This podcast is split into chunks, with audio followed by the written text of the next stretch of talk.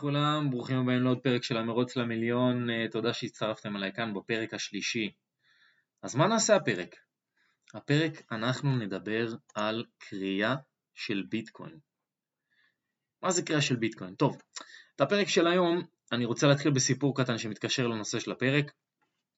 אז מעצם היותי אה, שואב אנושי של ידע, אה, אני בעצמי מאזין להמון פודקאסטים בכל התחומים, ואחד הפודקאסטים שעוררו בי השראה להקים את הפודקאסט הזה הוא הפודקאסט של אה, דוקטור ג'רמי פוגל, Think and Drink Different, אה, למי שמכיר, למי שלא מכיר גם, שווה להכיר.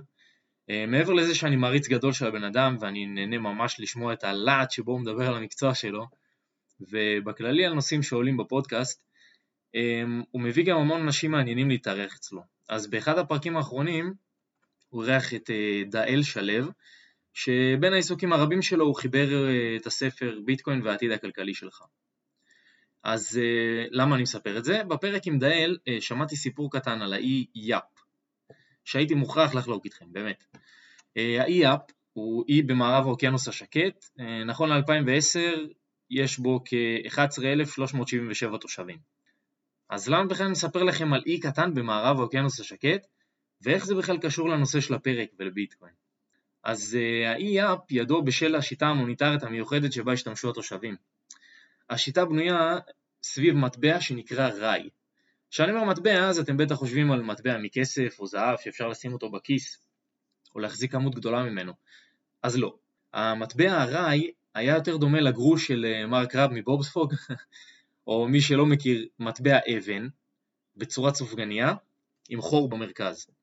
עכשיו, הגדלים של המטבעות האלה נעים נעים בין uh, קוטר של 3.5 סנטימטר לקוטר של כ-4 מטרים, שזה ענק. Uh, הערך של המטבע נמדד בכמה קשה וכמה מסוכן היה להשיג אותם. כדי לחצוב אותם, התושבים, התושבים היו צריכים להפליג לאיים מרוחקים ולבצע משא ומתן על, על המטבעות האלה עצמם, או על האפשרות לכרות אותם בכלל, עם תושבי איים אחרים שלפעמים, אה, בוא נגיד, לא היו יותר מדי חברותיים. ולאחר שחצבו את המטבע, הם היו צריכים גם לעשות את כל ההפלגה חזרה עם גוש האבן הזה על הסירה שלהם, ולהביא אותו בבטחה חזרה לאי. קשה. אה, בסיום המסע המפרך, התושבים אה, נהגו לשים אותם, להניח את האבנים בעצם בקרבת ביתם, ולהשתמש בהם כאמצעי תשלום ואמצעי לביצוע עסקאות.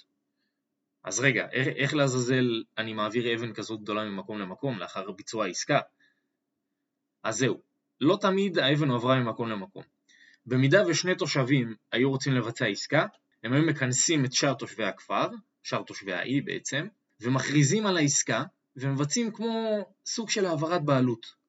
כך שכל תושב האי יודע למי שייכת כל אבן, לא משנה היכן היא ממוקמת. אם האבן למשל נמצאת על הבית שלי, ואני החלטתי שאני קונה באבן הזאתי פרה ממישהו אחר, הכרזתי מול כל הכפר, והאבן הזאת, למרות שהיא מונחת על הבית שלי, היא כבר בכלל לא שלי. וכולם יודעים את זה. וככה העסקאות שקופות לכולם, וכל אחד יודע למי שייכת כל אבן. מזכיר לכם משהו? אז יש האומרים כי השיטה המוניטרית של תושבי האי יאפ בעצם הייתה השראה לסטושי נקמוטו, יוצר הביטקוין. אז ברשת הביטקוין, כמו ביאפ, לכל אדם המעוניין לגשת ולראות את ההעברות והעסקאות שהתבצעו מאז קריאת הביטקוין הראשון, יש אפשרות לעשות זאת. כל הבלוקים שבהם פרטי העברות מתועדים וחשופים לציבור הרחב. אבל בשביל לייצר מטבע ביטקוין, למזלנו, אנחנו לא צריכים להפליג לאי בודד, לחצוב אבן ענקית ולהפליג איתה בחזרה הביתה. כל מה שנדרש הוא proof of work. מה זה proof of work? proof of work, או הוכחת עבודה בעברית, שיטה שהומצאה כבר ב-2004 על ידי מישהו בשם הל פיני. השיטה היא בעצם אה, מנגנון מבוזר שדורש מחברים ברשת מסוימת לתרום כוח חישוב כדי לפתור חידה מתמטית כלשהי. משתמשים כיום בשיטה הזו לקריאת מטבעות ועיבוד טרנזקציות באופן מאובטח, כך שניתן לבצע טרנזקציות פיר טו פיר, עמית לעמית, בלי צורך בישות מרכזית שולטת, כמו בנק. אז בואו נבין איך זה עובד בפועל. משתמשי הרשת מפעילים את תוכנת הקריאה על המחשב שלהם, ותוכנת הקריאה מתחילה להזין נתונים דרך פונקציית גיבוב. הרכיב במחשב שעושה את זה בפועל הוא כרטיס המסך או ה-GPU בשמו המקצועי, אה, רשת הביטקוין משתמשת בפונקציית גיבוב הנקראת SHA-256. אז הפלט של הפונקציה יהיה פלט ייחודי לכל סט נתונים שמכניסים לו. מה זה אומר? שאפילו שינוי הכי קטן בקלט ייצור פלט שונה לחלוטין. אז תוכנת הקריאה בעצם מה שהיא מנסה לעשות זה לייצר קוד גיבוב ולידי. בפועל זה קורה בערך כל 10 דקות. ברגע שהתוכנה מצליחה לייצר קוד גיבוב ולידי, בלוק חדש נוסף לבלוקצ'יין של רשת הביטקוין, והקורא מקבל תגמול בצורת מטבעות ביטקוין. בפועל, ככל שכרטיס המסך יותר חזק, או כמות כרטיסי המסך יותר גדולה, כך הסיכוי לייצר קוד גיבוב ולידי עולה, וכמות המטבעות שמתקבלים כתגמול עולה. כל ארבע שנים התגמול שמתקבל על יצירת בלוק נחתך בחצי, וכרגע זה 6.25 ביטקוין. חשוב להגיד, כקוראים פרטיים זה לא הכמות שתקבלו כל 10 דקות כמובן, ניתן לחשב בעזרת מחשבון קריאה מה התגמול שתוכלו לקבל על פי מפרט כרטיסי המסך או הריג שלכם, תכף נגיד לזה. אוקיי, אז איך אפשר להשתמש בזה כאפיק השקעה ואפילו בלי לסכן או להשקיע שקל? אז לגיימרים שביניכם, אתם בטח יודעים מה המפרט של כרטיס המסך שלכם. כל מה שצריך לעשות הוא להוריד את אחת מתוכנות הקריאה ולהתחיל להשתמש בכרטיס המסך שלכם כדי לקרות. לא נדרשת שום השקעה מעבר לכרטיס שגם ככה כבר אצלכם. חפשו בגוגל Bitcoin mining calculator ותכניסו את פרטי כרטיס המסך שלכם כדי לראות מה יהיה התגמול עבור הכרייה. למי שאין מחשב גיימרים וגם לא מעוניין לקנות אחד כזה.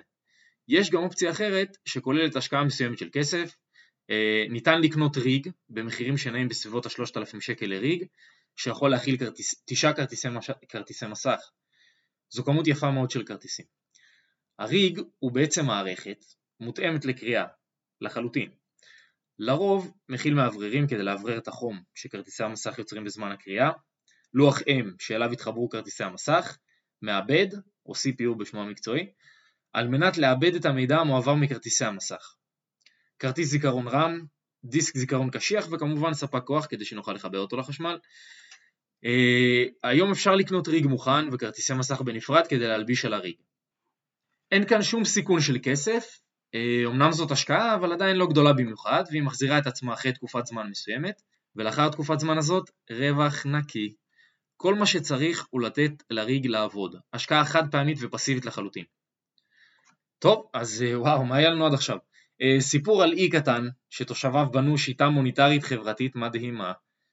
אה, מה זה proof of work בפן הטכני ואיך ניתן ליצור מזה כסף אשכרה. ובלי השקעה בכלל גם, או עם השקעה יחסית קטנה וללא סיכון של הכסף בכלל. אז אה, בנימה אופטימית זו, בואו נעבור לפינת ההתפתחות האישית.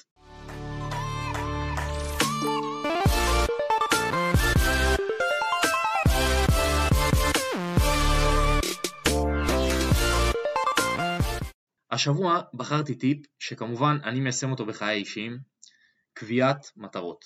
אני יודע שזה נשמע מובן מאליו, אבל רובנו פשוט לא עושים את זה נכון. בין אם קובעים לעצמם מטרות לא ריאליות, או לא ברורות ומוגדרות מספיק. שבו בחצי שעה הראשונה של הבוקר, תקבעו לעצמכם, בין אם זה בראש או בכתב, מה המטרות שאתם הולכים להשיג היום. למשל, לרוץ 4 קילומטר, לסיים את המצגת לעבודה, מטרות קטנות וריאליות שהשגתם תיתן לכם תחושת סיפוק ומוטיבציה. משם תמשיכו למטרות שבועיות, שנתיות ואפילו חמש שנתיות. כל אחד ותקופת הזמן הנוחה לו. במטרות לטווח הארוך תשאפו גבוה אבל תישארו ריאליים. אל תקבעו לעצמכם מטרה כמו עד סוף השנה אני ארוויח 10 מיליון דולר. אם זה לא מה שאתם באמת חושבים שאתם יכולים להשיג. ומכאן נעבור ישירות אל פינת המטבעות והמניות.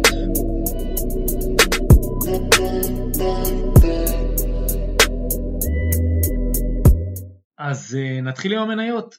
שתי המניות שבחרתי השבוע, הראשונה היא בסימול AMD, Advanced Micro Devices. אה, חברה מעניינת, חברה בסקטור הטכנולוגי בתחום ה semiconductors, אה, מוליכים למחצה בעצם, מייצרת מיקרו מעבדים לתעשיית המחשבים ותעשיית מכשירי אלקטרוניקה לצרכן, מה שנקרא Consumer Electronics. רוב המכירות של החברה הם בשוק המחשבים האישיים, שם החברה מוכרת בין היתר אה, מעבדים CPUs וכרטיסי מסך GPUs, מה שדיברנו עליו מקודם, אה, זה אלו הכרטיסים שמשתמשים בהם לכריית אה, מטבעות קריפטוגרפיים בין היתר. החברה מספקת גם שבבים שניתן למצוא בקונסולות משחק כמו הפלייסטיישן של סוני והאקסבוקס של מייקרוסופט.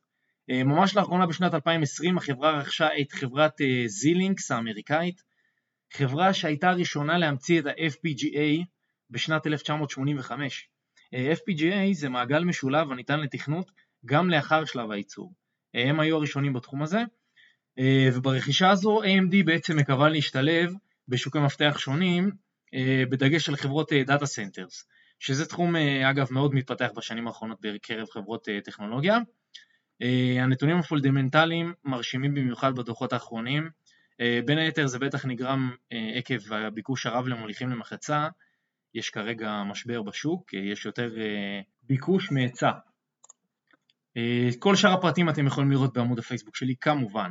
בואו נעבור בקצרה למניה השנייה, TGT, Target Corporation, אני בטוח שחלקכם מכירים, חברת חנויות הכלבו האמריקאית המפורסמת, מובילה את שוק הקמעונאות של הסחורה הכללית, מוכרת מגוון מוצרים, לחברה יש נוכחות משמעותית מאוד בעולם המסחר האלקטרוני גם, 18% מהקניות שמבצעים בטארגט הם דרך האינטרנט, בנוסף לכך שיש להם 1897 חנויות פיזיות. מעניין מאוד. אה, בואו נעבור לשני המטבעות ונזכור אותם ככה בקצרה, כמובן הסקירה מלאה אני מזכיר שוב בעמוד הפייסבוק שלי, פודקאסט המרוץ למיליון. אה, המטבע הראשון, קרדנו ADA.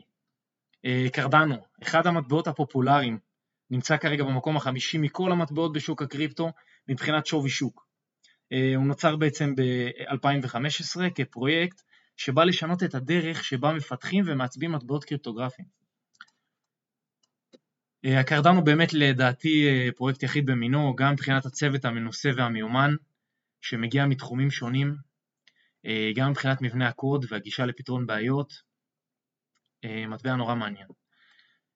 בואו נעבור על הטוקן השני, שהמטבע השני שהוא בעצם טוקן, נקרא Ape NFT, שמעתי עליו ממש לאחרונה, שמעתי עליו השבוע הרבה, אה, זה מטבע יחסית חדש גם, נרשם רק ב-29 למרץ השנה בסינגפור.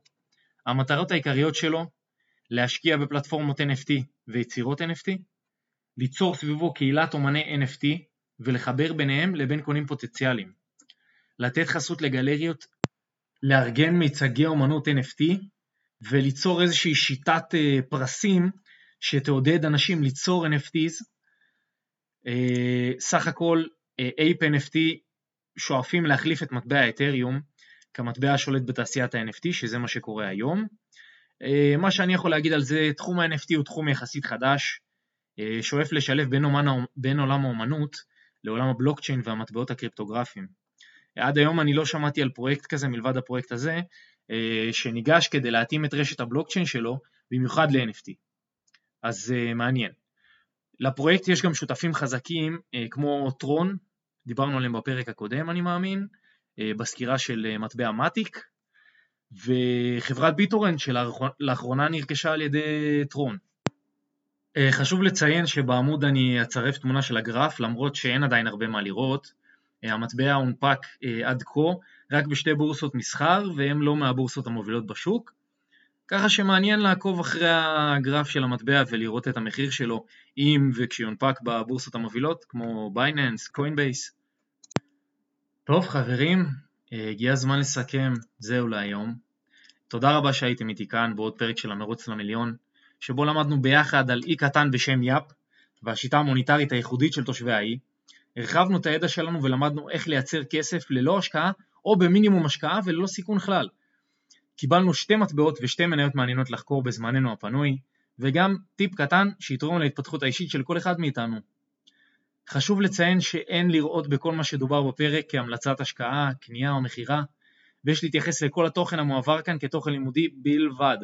אינני יועץ השקעות מוסמך ואני כאן רק בשביל ללמוד, להתפתח ולרוץ איתכם ביחד אל עבר המיליון הראשון שלכם.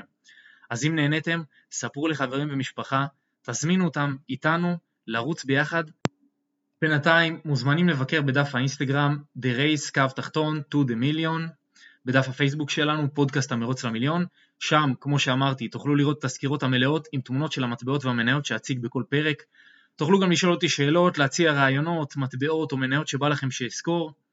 אז זהו, שיהיה שבוע ירוק לכולנו, ניפגש בשבוע הבא.